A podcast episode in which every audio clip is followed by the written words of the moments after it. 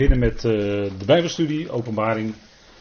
En we gaan kijken vanavond naar hoofdstuk 4. En fijn dat u allemaal gekomen bent. Sommigen zelfs van uh, wat verder weg. Dus uh, die waren al vroeg aanwezig, maar dat is alleen maar fijn. En we gaan met elkaar kijken vanavond naar openbaring 4. En dat is dus een nieuw gedeelte in het boek Openbaring. We hebben de vorige keren stilgestaan bij de zeven gemeentes, de boodschappen aan de zeven gemeentes. En die uh, zijn afgesloten. En dan gaan we nu verder met het volgende gedeelte. En zo zullen we langzaam maar zeker door dit boek Openbaring heen kunnen wandelen.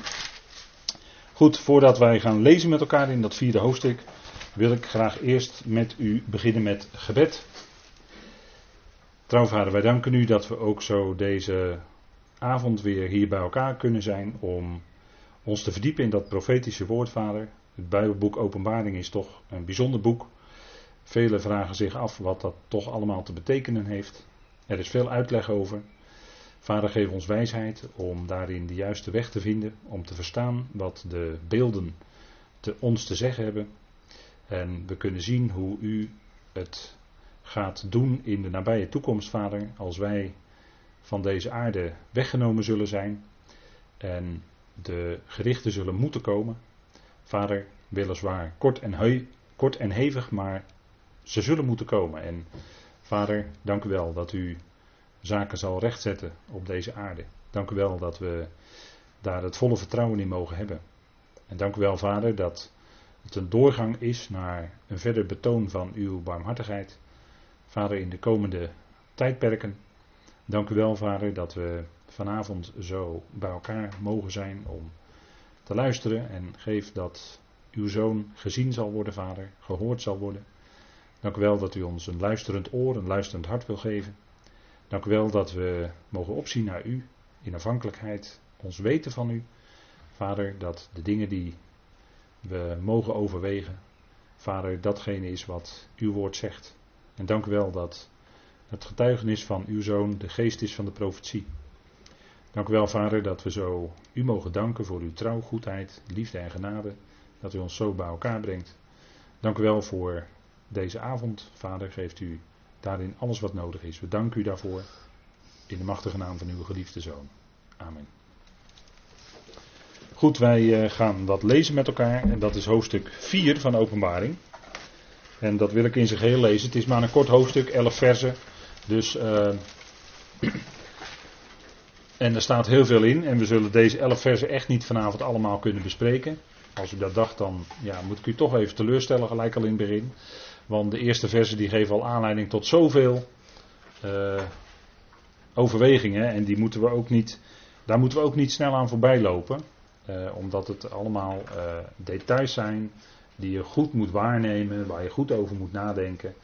En die je, niet, die je mee moet nemen om te kunnen verstaan wat het vervolg ook te zeggen heeft. En er staat dan vanaf vers 1 in Openbaring 4. Hierna zag ik en zie een deur geopend in de hemel. En de eerste stem die ik als van een bazuin met mij had horen spreken, zei: Kom hier omhoog. En ik zal u laten zien wat hierna moet geschieden. En meteen raakte ik in geestvervoering. En zie, er stond een troon in de hemel. En op de troon zat iemand.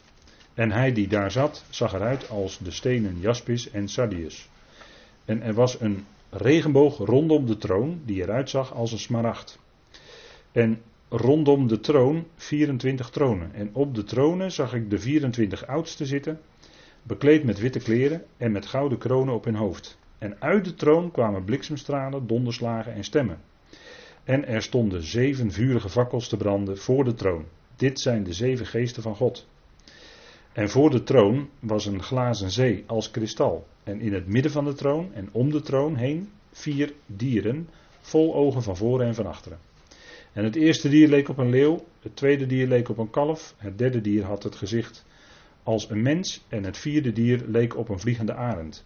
En de vier dieren hadden elk voor zich zes vleugels rondom en van binnen waren die vol ogen. Ze hadden geen rust en zeiden dag en nacht, heilig, heilig, heilig is de Heer God de Almachtige, die was, die is en die komt. En telkens wanneer de dieren heerlijkheid, eer en dank brachten aan hem die op de troon zat, en die leeft in alle eeuwigheid, wierpen de 24 oudsten zich voor hem neer, die op de troon zat. Aanbaden hem, die leeft in alle eeuwigheid, en wierpen hun kronen neer voor de troon en zeiden: U bent het waard, Heer, te ontvangen de heerlijkheid, de eer en de kracht, want u hebt alle dingen geschapen, en door uw wil bestaan zij en zijn zij geschapen. Nou, dat is nogal wat. Daar staat heel veel in, dus we kunnen dat nooit in één keer bespreken vanavond. En wij gaan rustig beginnen. We nemen gewoon de tijd voor. En dit is dan hoofdstuk 4, dat is een volgend gedeelte. En als u de structuur van het boek Openbaring eh, kent, want die heb ik wel eens aan u uitgedeeld, dan weet u dat hier een apart gedeelte begint. En we zagen in de voorgaande hoofdstukken zagen wij de Heer Jezus Christus als profeet. En wij, wij, uh, wij zien hem in de openbaring natuurlijk niet alleen als profeet, maar we zien hem ook als priester en als koning. Het is de onthulling van Jezus Christus. Hè? Hij wordt geopenbaard in dit boek. En we hebben hem dus gezien als profeet. En we zien hem nu in de komende hoofdstukken als, in zijn gestalte als koning. En daarmee zeg ik dan ook dat hiermee het zogenaamde troongedeelte van openbaring begint. Oftewel de politieke bevrijding van de aarde. We hebben al in het boek Daniel hebben we meerdere keren uh, vastgesteld dat het in de eindtijd gaat zowel om politiek als om religie. Het gaat niet alleen om de politieke verlossing van de aarde, maar het gaat ook om de religieuze verlossing van de aarde. En in deze hoofdstukken, 4, tot, 4 vers 1 tot en met 11 vers 18, lezen wij de politieke bevrijding van de aarde. En degenen die op de hoogte zijn van het boek Openbaring, die weten dat in Openbaring 11, de laatste verse, ook gezegd wordt: U bent koning van de koningen en heren van de heren. Dat zal de aarde dan erkennen als de Heer Jezus Christus gekomen is. Dan zullen ze hem gaan zien en erkennen als de koning der koningen. Dus het gaat hier om de politieke bevrijding van de aarde. Het troongedeelte. Het woord troon komt in dit gedeelte ook zeer regelmatig voor. Ik heb me laten vertellen door een, uh, een, nauwgezette uitlegger van, uh, de, uh, van het boek Openbaringen, van profetie, dat het woord troon in het Nieuwe Testament, nou zeg ik het even uit mijn hoofd, 61 keer voorkomt. En het komt maar liefst, als ik het goed zeg, 46 keer voor in het boek Openbaring. Maar even, die getallen kloppen misschien niet helemaal, maar dit is ongeveer wel de verhouding. En in de rest van de schrift, in het Nieuwe Testament, dan heb ik het over de Griekse schrift, uh, zou het dan een keer of 25 nog voorkomen. Dus, en het woord troon komt met name in dit gedeelte vanaf hoofdstuk 4 vers 1 heel vaak voor. Goed, dat even in het kort. Even wat uh, technische details om het zo maar te zeggen. En dan zien we dus dat hier in, uh, en dat zullen we steeds gaan zien, in de structuur van openbaring, dat er steeds sprake is van een voorbereidend visioen. En dit is dan het begin van het voorbereidende visioen. Want je ziet, je leest een visioen dat Johannes had twee hoofdstukken lang. En daarna gaan, gaat echt het gericht komen. Het visioen werkt dan toe nadat er een boekrol geopend moet worden. Maar dat is een verzegelde boekrol. En die boekrol is verzegeld met zeven zegels. En het blijkt dat er niemand in de hele schepping is die die boekrol kan openen, behalve één. Dat is het lam dat geslacht is en dat leeft. En die is bij machten deze boekrol te openen. En dat doet hij ook. En dan worden die zegels verbroken, die zeven zegels. En elke keer als er een zegel verbroken wordt, gebeurt er iets. En dat zijn zeg maar de zogenaamde um, ja, uh, in het Engels hebben ze daar een mooi woord voor. Providential. Uh, ja, voorbereidende, voorzienige gerichten. In ieder geval zijn het gerichten. En we zullen bij de opening van die zegels in openbaring 6. Uh, daar zullen we natuurlijk ook, als we de tijd krijgen, uitvoerig stilstaan. En dan zullen we ook naast openbaring 6 Matthäus 24 kunnen leggen. En dat zullen we dan op de Bijbelse manier doen, schrift met schrift vergelijken. Want dat moet je doen. De schrift verklaart namelijk zichzelf. Hè. De schrift is niet iets wat een eigenmachtige uitlegging toelaat. Maar de schrift laat, verklaart zichzelf. Hè. De mensen hebben door Heilige Geest gedreven van deze dingen gesproken, zegt Petrus. En uh, dat is ook het profetische woord natuurlijk. En die zeven zegels, wat gebeurt er dan onder het verbreken van de zeven zegels? Dan wordt de soevereiniteit van de aarde tot God hersteld. Als we nu op de aarde rondkijken, dan is het uh, steeds chaotischer aan het worden. En dat moet ook. Dat is ook wat voorzegd is. Dat zullen we vanavond ook nog wel gaan zien. Die teksten die daarover gaan. En uh, God zit toch op zijn troon. Alleen de aarde, de mensen op de aarde, die gaan steeds meer los van God leven. En dat is wat wij in deze tijd zien. Hè? En nu is het tijd dat de zaken weer rechtgesteld worden. Rechtgesteld, rechtgezet wordt.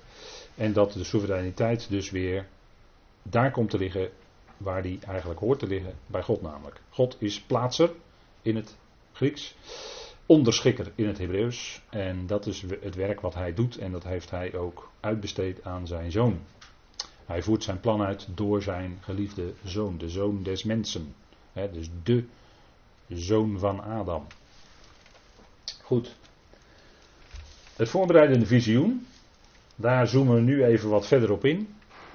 Nou, het eerste deel eh, eh, gaat over de schepping. Dat hebben we ook gelezen met elkaar. Degene die alles geschapen heeft. En de 24 oudsten en de vier wezens, die hebben ook iets te maken met die schepping. Dat zullen we nog allemaal gaan zien. Uh, vanavond niet, maar dat komt nog. Uh, dan tweede is punt 2, dat is hoofdstuk 5. Dat is dan verlossing. In het eerste deel wordt gesproken over schepping. En in het tweede deel, dus hoofdstuk 5 van het voorbereidende visioen, wordt gesproken over verlossing. En ja, als u dat wat ingewikkeld vindt, dan moet u daar gewoon even aan wennen. En dan, wordt het, en dan gaat u eraan wennen hoe die structuur van openbaring. Want we zullen zien dat naarmate openbaring vordert, dat als er dus gerichten komen. Uh, hier hebben we dan de gerichten van de zeven zegels. En uh, als dat dan zich voortschrijdt, dan zullen we steeds zien dat er een voorbereidend visioen komt. En daarna komt het gericht wat dan uitgevoerd wordt. Dat is steeds die opbouw die in openbaring zit. Ja, en dat is dus wat Johannes op Patmos zag. Hè. Hij uh, bevond zich op het eiland, maar hij werd in de geest gevoerd in de dag des Heren. Hè. Hebben we gezien in Openbaring 1, vers 10. In de geest, in de dag des Heren. De dag des Heren is uiteraard niet de zondag. Dat is een falikante misvatting. Maar de dag des Heren, als je het Oude Testament kent, weet je wat dat is. Hè. Dat hebben we ook gezien met elkaar. Dat is de dag van de Heer. En we leven nu nog steeds in de dag van de mens. De dag waarin de mens het voor het zeggen heeft. De dag waarin de mens zijn eigen gang gaat. De dag waarin het bestuur in de handen van de mens is overgegeven. Hè, sinds de zondvloed, sinds de grote vloed. En daarom heet deze dag de dag van de mens. En uh, die dag van de mens die loopt op zijn einde. En we zien wat er van komt als het menselijk bestuur in de handen, of als het bestuur over deze aarde in de handen van mensen is gegeven, dan zien we dus uiteindelijk wat het wordt. Er is geen enkele regeringsvorm die uh, voldoet. Ook niet de zogenaamde volprezen, veelgeprezen democratie. Demos is volk en kratie kracht, of is macht. De macht bij het volk. Nou, dat is een fars, maar dat weet u wel, hè? Dat is een fars. Dat is alleen maar een façade en een schijn. Het is natuurlijk geen echte democratie. Goed, dan gaan we naar uh, hoofdstuk 4, vers 1.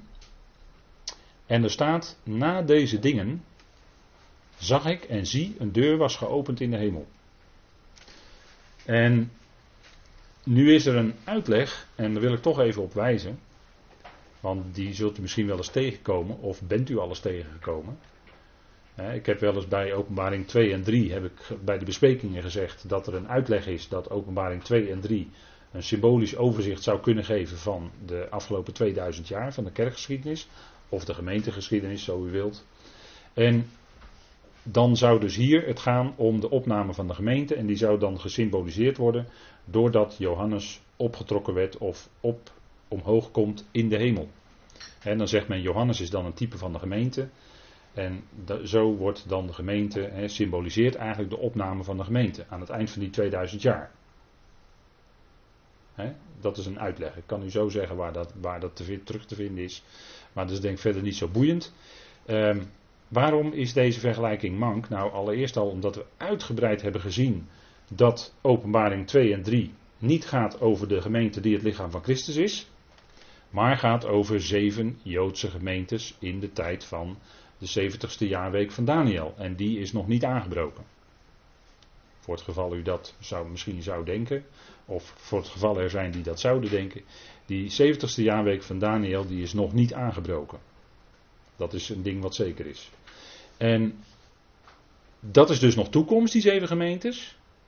Dat is dus niet de afgelopen 2000 jaar.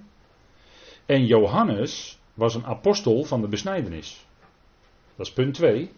Hoe kan een apostel van de besnijdenis de gemeente die het lichaam van Christus is symboliseren? Dat kan niet. Dat is onmogelijk. Dus heb je punt 2. Bovendien wordt hier niet het woord wegrukken, harpazo gebruikt. Wat uh, voor de gemeente wel wordt gebruikt in uh, 1 Thessalonicense 4. Maar hier wordt gezegd, Johannes, stap hierheen op. En dan gaat hij niet eens letterlijk omhoog, maar hij komt in geestvervoering en hij ziet een visioen. Begrijpt u? Dus hij wordt niet eens letterlijk van de aarde weggenomen. Hij blijft hier gewoon met zijn beide voeten op Patmos. En hij wordt weer vervoerd in de geest. En hij ziet een visioen. Dus dit is ook niet een punt waar, waar. Dus ik noem u allemaal punten waarop u eenvoudig kan laten zien. Aan iemand die het misschien wil weten of in verwarring is geraakt. Want dat zou zomaar kunnen hoor. Mensen raken zomaar in verwarring over dingen. Maar dan heeft u een aantal punten waarvan u kunt zien van dit kan nooit de opname van de gemeente of de wegrukking van de gemeente symboliseren. Absoluut onmogelijk.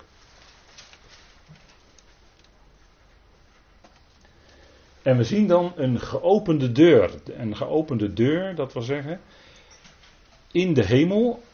Hij ziet een geopende deur, we hebben het gelezen. Er was een deur geopend in de hemel. Dus de hemel, kennelijk is dat want die deur in de hemel gaat open. En later in openbaring zullen we nog zien dat niet een deur geopend wordt in de hemel, maar dat zelfs de hemel zelf geopend wordt. Dus kennelijk, kennelijk is, is daar een soort afsluiting als het gaat om de hemel ten opzichte van de aarde. Anders zou er niet een deur geopend moeten worden. Hè? Waarom moet er nou een deur geopend worden? Nou, kennelijk zit er iets dicht. Anders zou dit, deze zin die hier staat in openbaring, zou een loze zin zijn. Dan zou hij er niet hoeven staan. Maar dan moet je dus over nadenken. Waarom wordt die deur nou geopend? Nou, omdat er, dat er nu iets gaat plaatsvinden tussen hemel en aarde, om het zo maar te zeggen. Wat daarvoor, in die periode daarvoor, niet plaatsvond. Het was dicht, het zat op slot, om het zo maar te zeggen. Ja? Dus er gaat iets open. En we hebben dit al, dit plaatje heb ik u de vorige keer al heel even laten zien. Wat wordt in openbaring allemaal geopend? Want daar moet je natuurlijk op letten. Nou, de hemel wordt geopend en in 4 vers 1, waar we nu mee bezig zijn, is dat dus een geopende deur in de hemel. Dat is eigenlijk nog beperkt. Hè? Dat is nog een beperkte opening, want een deur is een beperking natuurlijk. Hè? De ruimte van een deur, de deurposten. En in openbaring 19 vers 11 zien wij dus dat de hemel geopend wordt. En dan gaat er ook iets gebeuren. Laten we het heel even met elkaar lezen. Ik ga niet, uiteraard niet het hele hoofdstuk lezen hoor. Maar we zien dus daar in openbaring 19.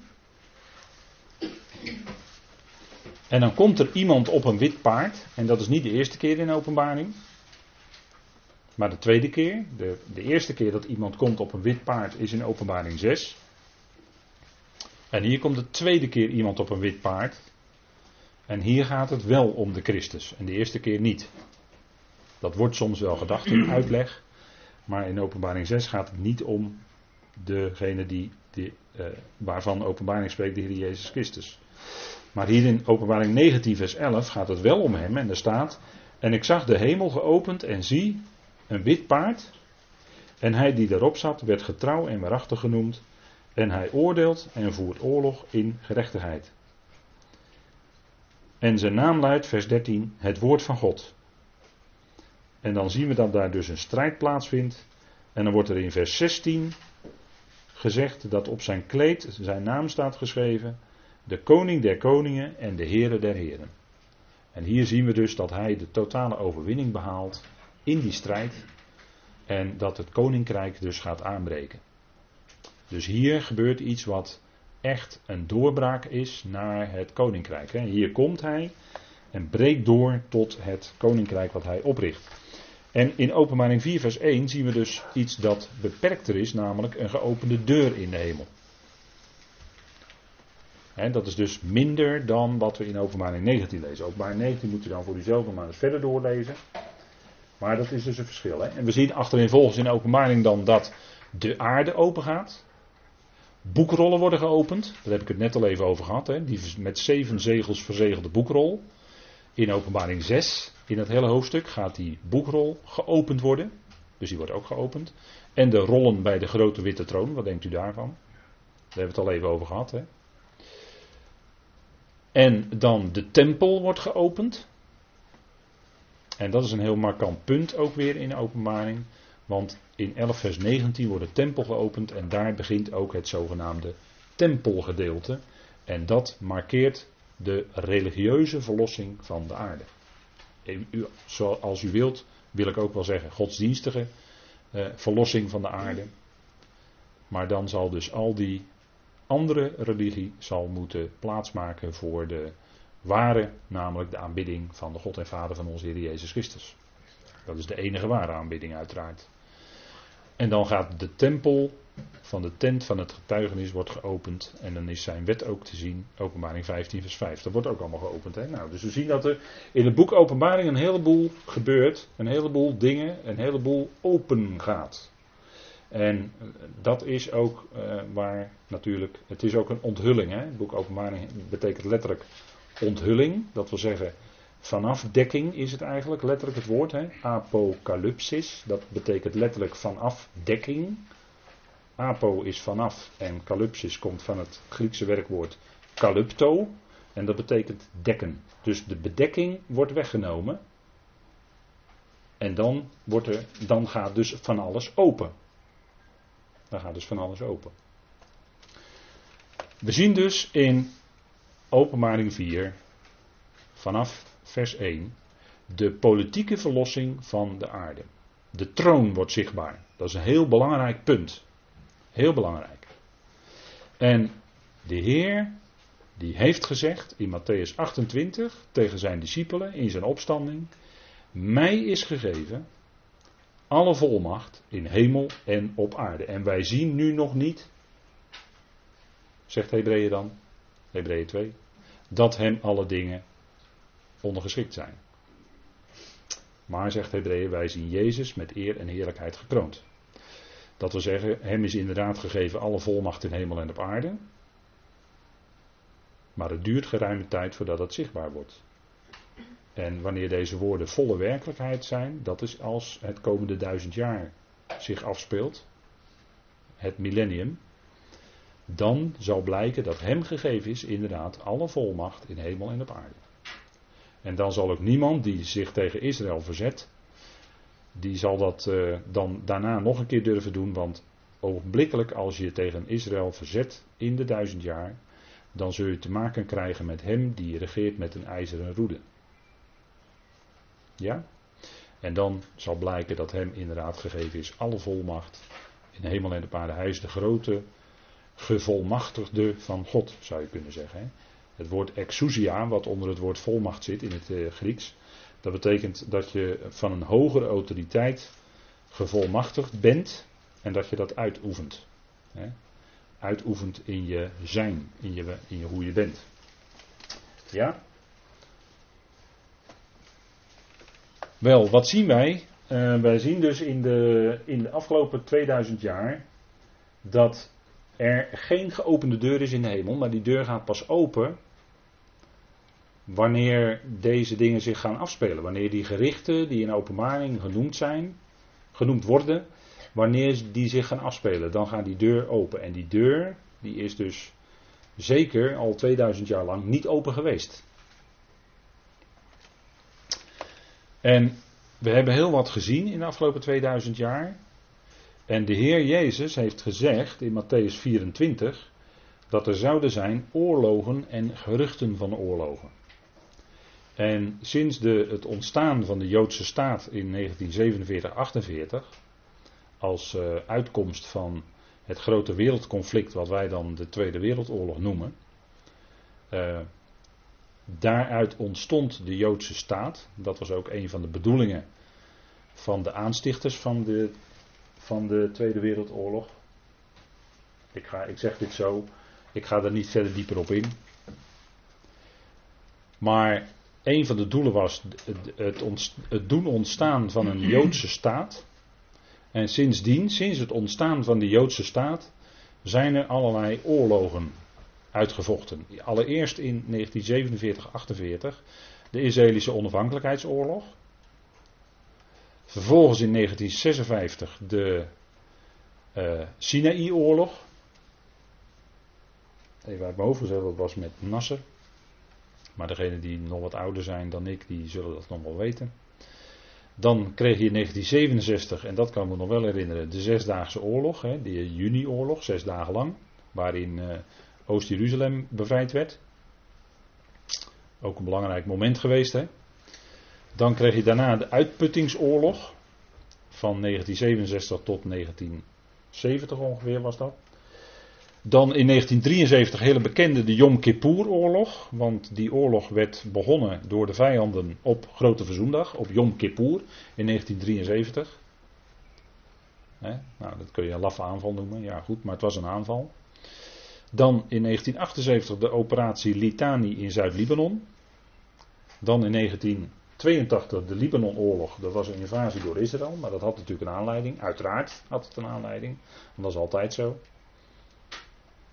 Dan kreeg je in 1987 onder leiding, hè, de Palestijnen toenmalig onder leiding van terrorist Arafat.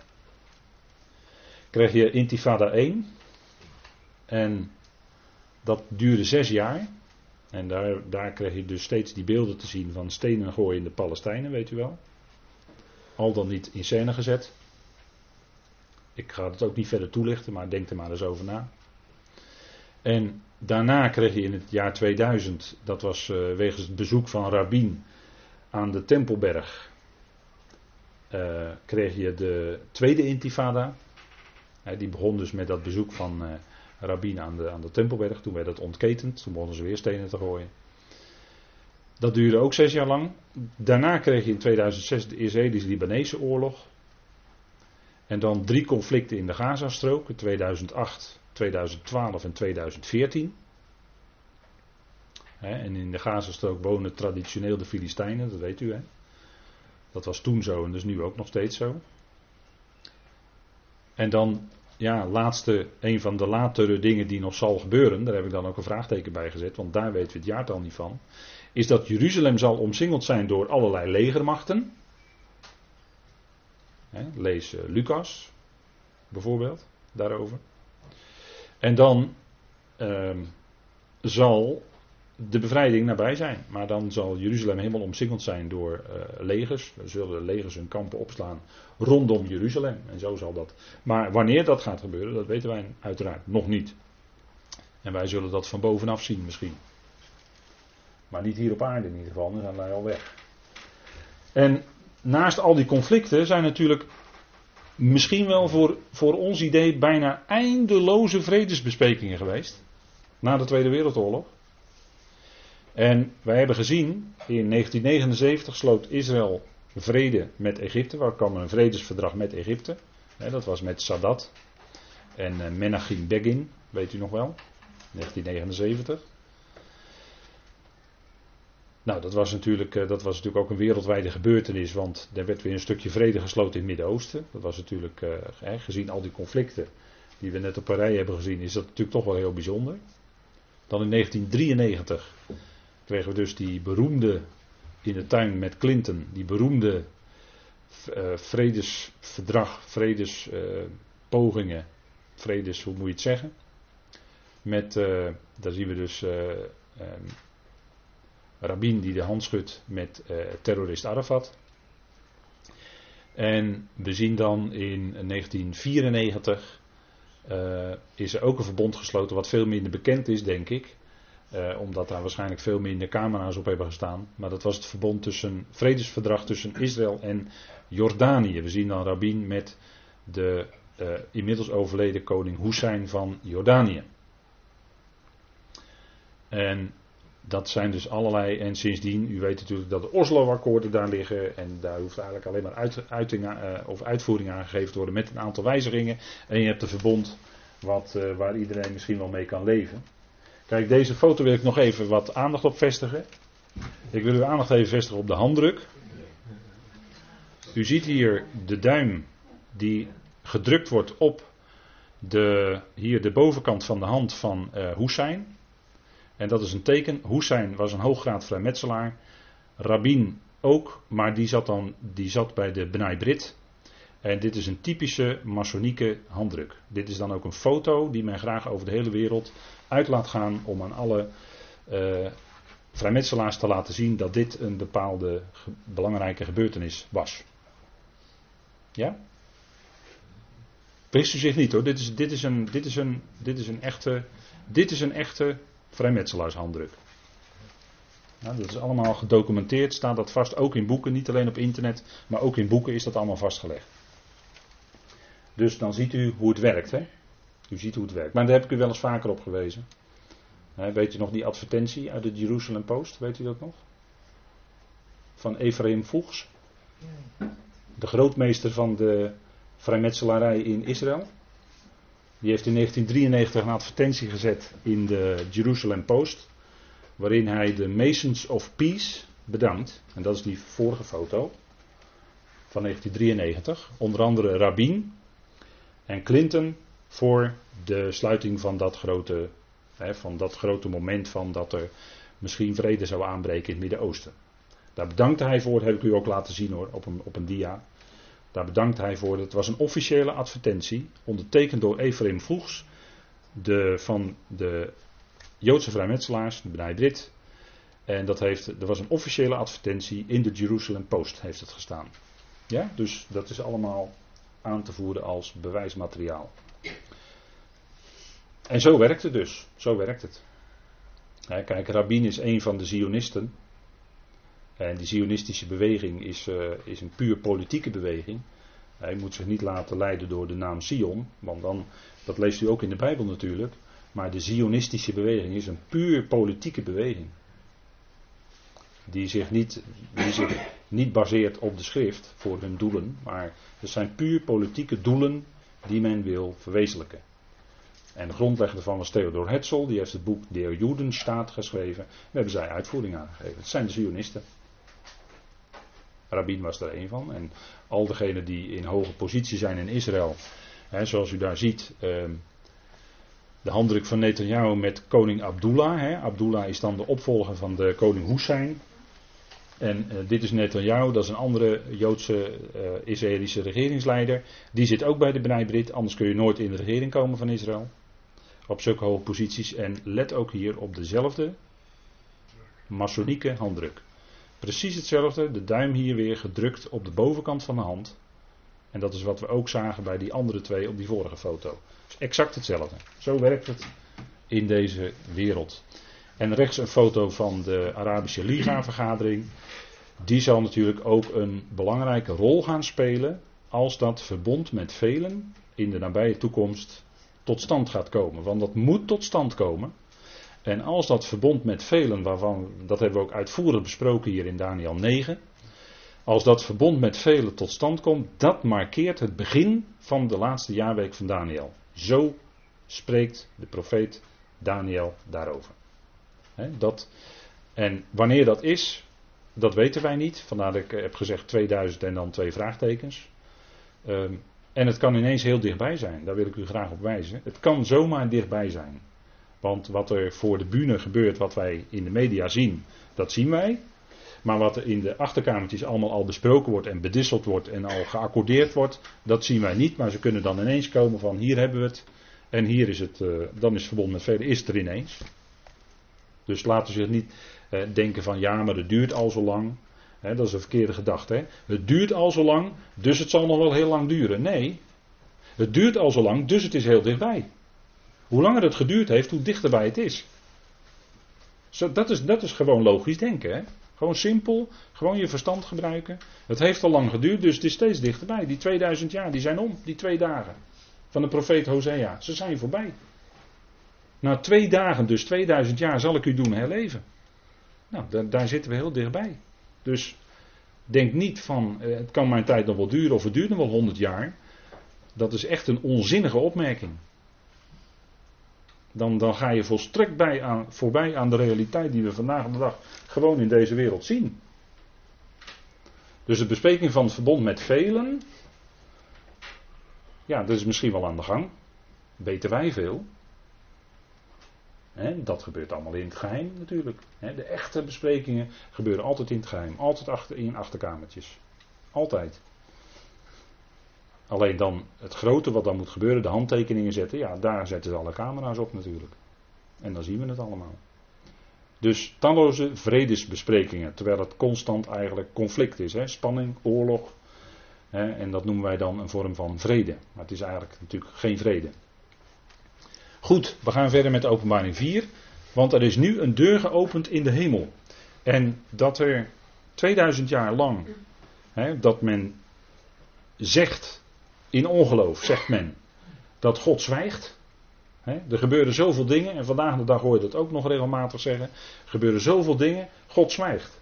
Ja, klopt, God zwijgt. Hij heeft zijn aangezicht voor zijn volk met name verborgen. Daar spreekt hij meerdere keren over. In Deuteronomium al, maar ook in het boekje Zaja. Die tekst hebben we ook met, met elkaar al gezien. Maar dat is, iemand heeft daar dus een boek over geschreven. Een, een bekwame bijbeluitlegger. En dat boek dat heet The Silence of God. En dan gaat hij op die materie in. Ja, inderdaad, 2000 jaar. Maar God zal niet blijven zwijgen. Hij zal van zich doen spreken. En daar spreekt het boek Openbaring over. En natuurlijk, wij hebben zijn woord. Dus hij spreekt tot ons. Voor, hem, voor ons is dat geen gesloten hemel. Maar voor een ongelovige wel. Vele mensen vragen waarom grijpt God niet in? Nou, dat gaat wel komen. Dat gaat wel komen. Dat God in gaat grijpen, dat gaat wel komen hoor denk niet dat dat nog uh, echt 100 jaar gaat duren. Dat is zeker niet, zeker niet. Dat is veel dichterbij dan u denkt. Hè? En we, we zien dus in allerlei ontwikkelingen. Hè, uh, neem maar de, de toenemende activiteit in de geestelijke wereld. Wat bedoel ik dan?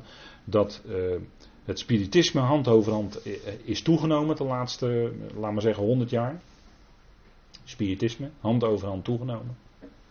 Waarmee de mensen meer en meer open zijn komen te staan voor geestelijke machten, voor demonen en noem alles maar op. Laatste honderd jaar is dat al aan de gang. Dat is een teken van verhoogde activiteit in de geestelijke wereld. En dat zegt ons heel veel, want dat betekent dat uh, er niet alleen aan de andere kant, dus aan de kant van de tegenstander, meer activiteiten worden ontwikkeld. Omdat hij weet dat hij nog weinig tijd heeft. En wordt binnenkort wordt hij natuurlijk uit de hemel geworpen. Maar aan de andere kant is het natuurlijk ook zo dat de tijd dat de gemeente wordt weggerukt en dat deze dingen in openbaring, die in openbaring staan, gaan gebeuren, dat God dus wel gaat ingrijpen. Dat is nabij. En dat is natuurlijk een puur eerste ontwikkeling, is altijd in de geestelijke wereld. En daarna heeft het zijn uitwerking op aarde. Kijk maar in het boek Daniel, hebben we dat ook gezien hè, in openbaring 10, waarin de vorst van Perzië uh, Michael tegenhoudt drie weken lang. Dat is een gebeuren in de geestelijke wereld en dat heeft zo zijn weerslag op de aarde. En dat is vandaag de dag natuurlijk nog steeds zo. He, wat, wat, dacht u, als er toen een, vorst van Perzië was, die in het boek Daniel wordt genoemd, notabene, in Daniel 10. Denkt u dat die geestelijke vorst van Perzië er nu niet meer is? Ja, natuurlijk is die er. En vandaar dat er ook steeds zo'n spanning is tussen Israël en Iran. Wat denkt u? Wat denkt u ervan? Wat denkt u wie dat, wie dat, wie dat aansticht ten diepste? Nou, dat is die geestelijke vorst van Perzië. Die sticht dat aan. Die spanning. en of er dan werkelijk een oorlog komt tussen Israël en Iran, dat is, een heel dat is een andere zaak. Ik denk het niet, maar dat is wat ik denk. Ik denk het niet.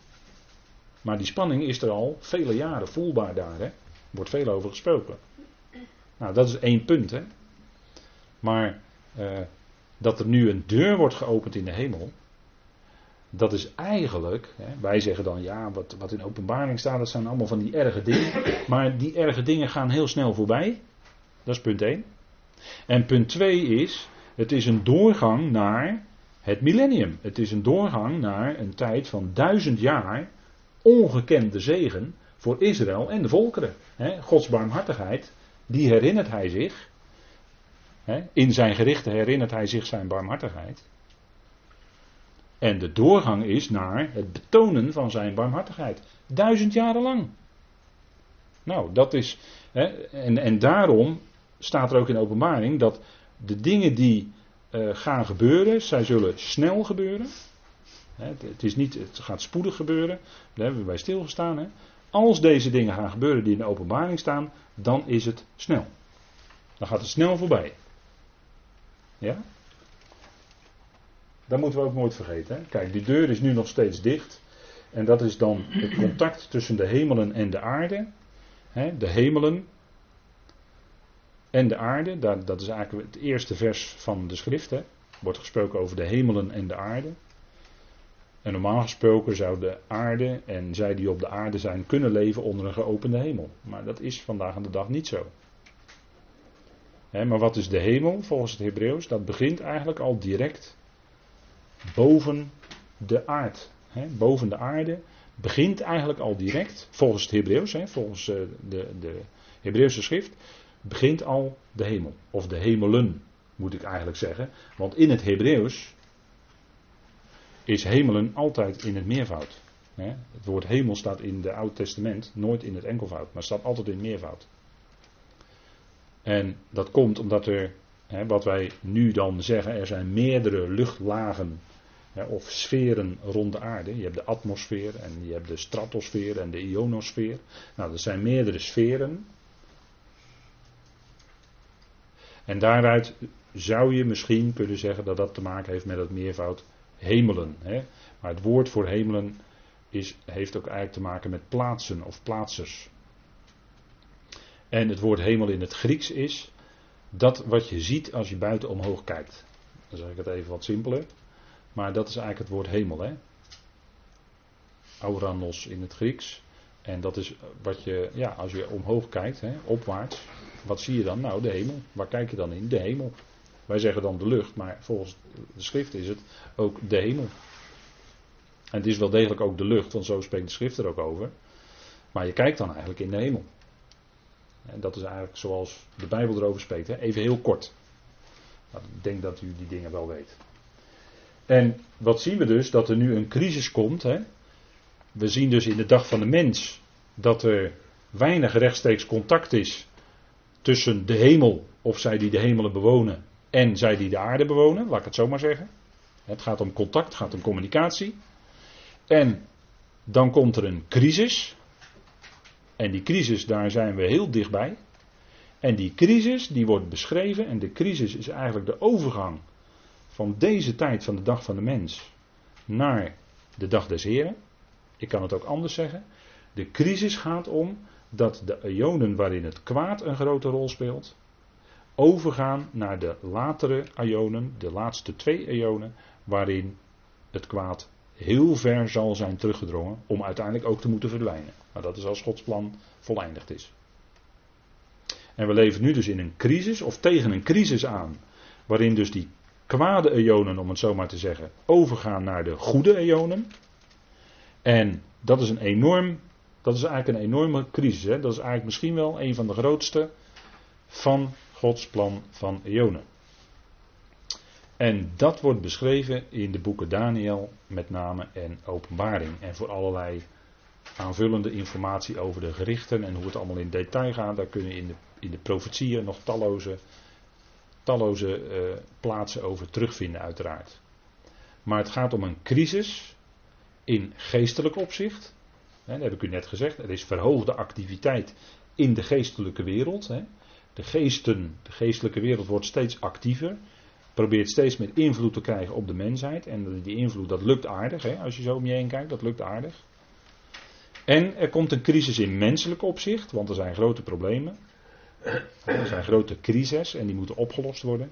En er zal dan eentje komen die inderdaad die oplossing voor die crisis gaat geven. Dat zal zijn de wetteloze, die onder direct beslag ligt dan van de tegenstander. En we gaan dus dan na die crisis door naar de dag van JW. He, dat JW is de weergave van de vierletterige naam.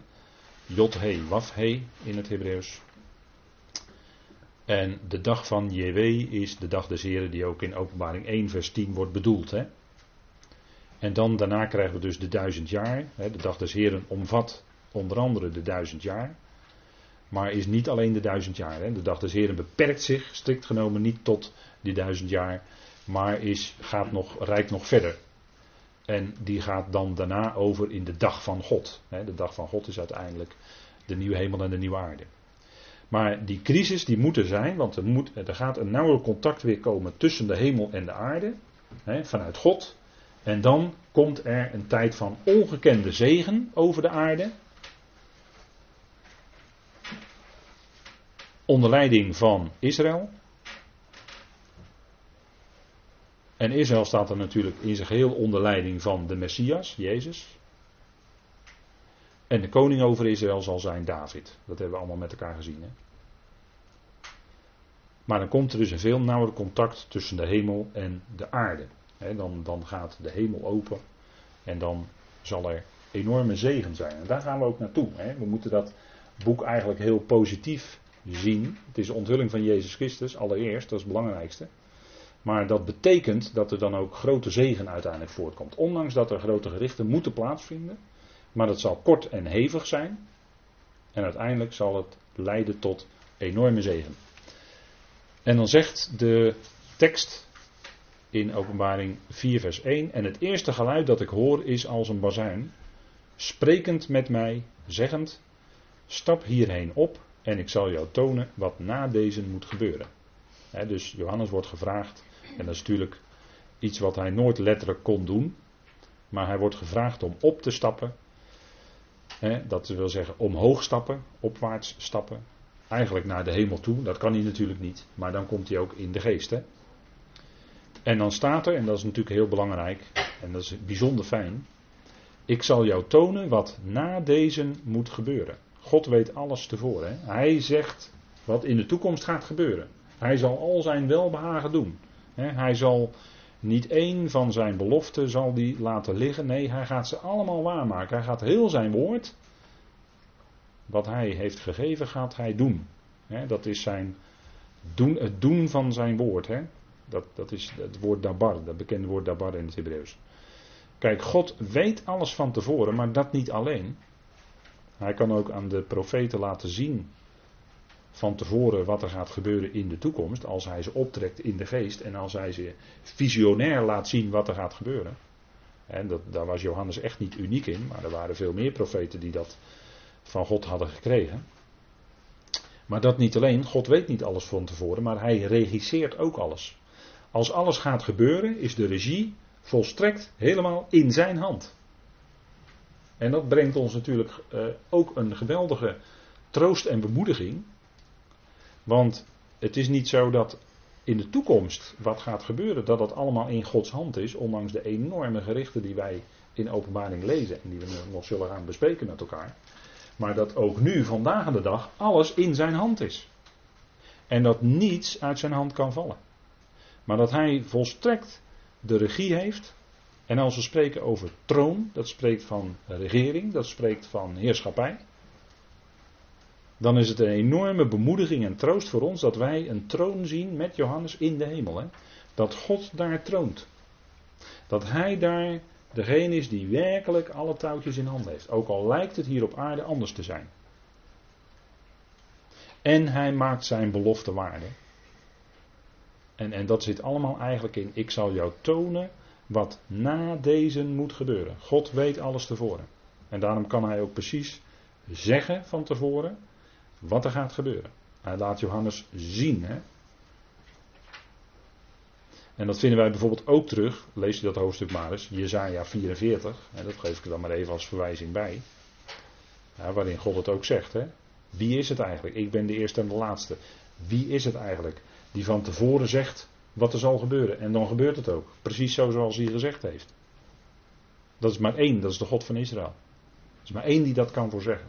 En niemand anders dan hij.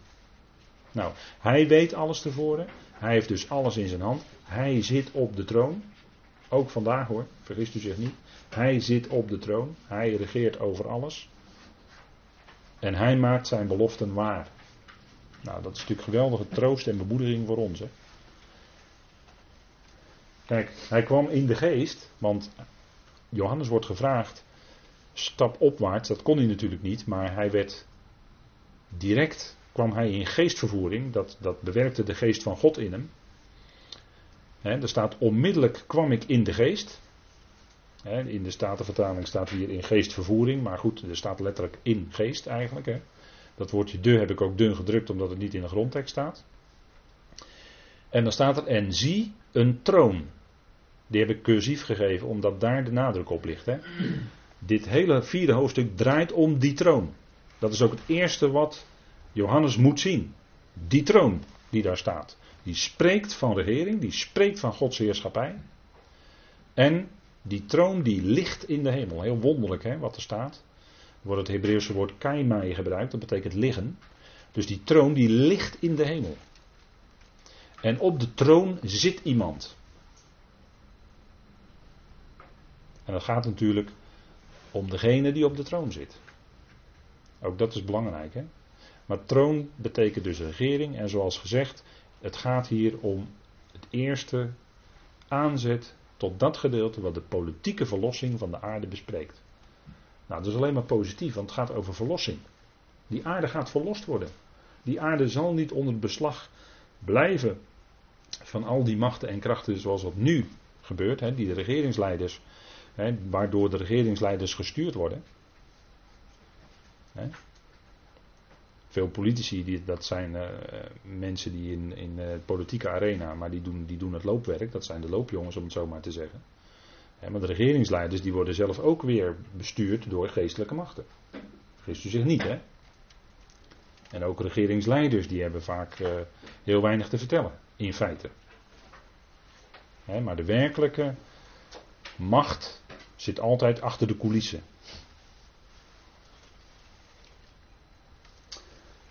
En dan staat er, want om die dingen dus, om dit, te kunnen verstaan, hè, om deze dingen te kunnen begrijpen, moeten we ook die details die genoemd worden, want die worden natuurlijk niet voor niks genoemd.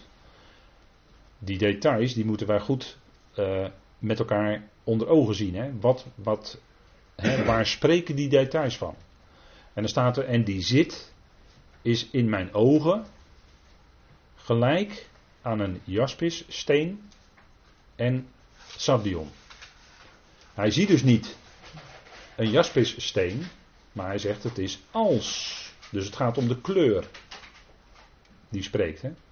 En natuurlijk wordt het woord steen genoemd, daar komen we nog op terug. Het woord steen wordt hier echt genoemd in de tekst. Dus ook daar zullen, daar zullen we nog een opmerking over plaatsen. Maar een jaspis steen is een ondoorzichtige en fijn kristallijne variëteit van kwarts. En kwarts, dat ziet u dan dat rechtse plaatje. En dat kleurt dan van geel via rood en roodbruin tot groen. Maar de overheersende kleur is rood, roodbruin. Als je het nazoekt, en doet u dat maar, dan zult u zien dat als u jaspis intypt en u zoekt dan naar afbeeldingen, dat u dan die kleur gaat zien. Van rood naar roodbruin. Hè? Dus dat is eigenlijk rood. Hè? Dat is, eh, doet de gedachte aan vuur, aan vlammen natuurlijk. En het is ook een steen. Maar goed, dat, daarover zometeen nog meer. Dan zien wij sardion, de sardionsteen. Um, in het Engels of misschien ook wel in het Nederlands in sommige vertalingen wordt gesproken over car carnelian of carnelian. En dat is de Latijnse benaming, want carne is vlees. Het Latijnse woord voor vlees is carne. En het gaat dan om een steen die een vleeskleurige, die vleeskleurig is als robijn. Daar doet het aan denken. En het is de steen sardion. En die beide kleuren die verwijzen naar vlammen en vuur in de schrift is meestal een beeld van gericht. Vuur is een beeld van gericht. Vuur zuivert. Vuur loutert. En er staat ook in de schrift: Onze God is een verterend vuur. Hij staat in Deuteronomium 4, vers 24. En dat is natuurlijk de God van Israël. Waarvan gezegd wordt in Deuteronomium: Onze God, ons is dan Israël. Is een, onze God is een verterend vuur. Want als Israël zich niet zou houden aan de regels van het verbond, dan zouden overheen komen de vervloekingen, die ook in het boek Deuteronomium uitvoerig beschreven staan. He, leest u maar de hoofdstukken 27, 28, 29 van Deuteronomium. Dan kunt u uitvoerig zien wat voor vervloekingen hen zullen treffen wanneer zij zich niet houden aan de Torah. En dat hebben ze niet gedaan. En die vervloekingen zijn dus overheen gekomen. Want hun God is een verterend vuur. Dat is het gericht, wat komt. Als zij zijn woord verwerpen, dat deed koning Saul ook. Als zij zijn woord verwerpen, dan staat daar, daar staat daar een gericht op. Dan komt het gericht. En dat is wat de mensheid ook steeds meer doet. Dat is zijn woord verwerpen, vandaag de dag. En dan, komt, dan gaat het, moet het gericht moet een keer komen. Maar we leven nog steeds in de tijd van genade. Vergist u zich niet. We leven nog steeds in de tijd van genade. Maar dat neemt niet weg dat de mensheid verwerpt zijn woord steeds meer. Dan moet het gericht gaan komen. Want daar waar men Gods woord verwerpt, komt men dus bij de andere machten terecht. En dan denk ik nog steeds aan koning Saul, die bij die waarzegster in Endor terecht kwam. Nadat hij het woord van God had verworpen. Toen kwam hij dus bij de waarzegster terecht, bij de duisternis. En die deed ook een voorzegging, zogenaamd kwam Samuel op daar, maar die kwam in werkelijkheid niet op hoor. Dat was Samuel niet. Maar dat was een demonische macht die zich voordeed als was hij Samuel. Want wat hij sprak is niet uitgekomen. Daaraan kun je het zien. Dat was niet de profeet Samuel. Zoekt u die dingen maar eens na. In 1 Samuel 15, eh, 16 en volgende hoofdstukken. Daar staat dat allemaal. En dan als je dus zijn woord verwerpt, dan heeft dat gevolgen. In je leven. En uh, kijk, we leven vandaag in de dag in een tijd van ongelooflijke overstromende genade.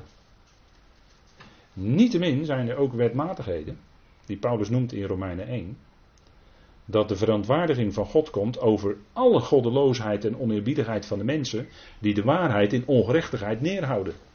Dat is een wetmatigheid, die geldt vandaag aan de dag ook. Hoewel wij in een tijd van overstromende genade leven. Maar dat geldt hoor. Het is echt niet zo dat het alleen in Paulusdagen gold, maar dat geldt altijd. Dat zijn wetmatigheden, geestelijke wetmatigheden. En dat is toch even een opmerking bij dat onze God is een verterend vuur. Hè? Niet dat hij vandaag, uh, hè, als jij uh, buiten op je fiets een keer omvalt, dat je gelijk moet denken dat is straf op de zonde. Zo niet. Want dat is heidendom hoor, als je zo denkt. Maar er zijn wel zaken in de schrift die wij in acht nemen. Hè, die we meenemen. Die Paulus ook schrijft. En we zien dat bijvoorbeeld terug. Hè, deze uitspraak, onze God is een verterend vuur, duidt op gericht, op ingrijpen van God. Specifiek zullen we dat gaan zien in het boek Openbaring. En deze troon, die dus, hè, als we dus deze kleuren zien, dan verwijst dat naar vlammen, hè, vlammend rood. Dan wijst dat op gericht. We moeten die beelden goed verstaan, die kleuren goed verstaan. En in Hebreeën wordt het nog eens herhaald, hè, onze God is een verterend vuur. Hebreeën 12. En dat is ook wat hij gaat doen. Hè. Hij gaat gericht houden. En het is een steen, het is twee keer de kleur van een steen, er wordt steen ook genoemd, hè? jaspis steen. En een steen is hard, een steen is, daar, daar zit geen beweging in. En dat is ook wat Gods gericht zal zijn. Als het eenmaal gaat ingezet gaat worden, dan zal het ook zo hard doorgezet worden, dan is er geen houden meer aan. Dan is er geen houden meer aan. Dan moet het doorgezet worden. En dan zal God weliswaar kort en hevig, maar hij zal ingrijpen. En het, natuurlijk, als God gericht doet, daar zijn meer aspecten aan, maar daar ga ik in het tweede deel van de avond nog wel iets meer over zeggen. En kijk, onze God is verterend vuur, dat zal zo blijken te zijn in de nabije toekomst. Daar gaat het allemaal blijken. Uh, goed, ik stel voor dat we even een moment pauzeren en dan gaan we daarna gaan we verder met deze versen.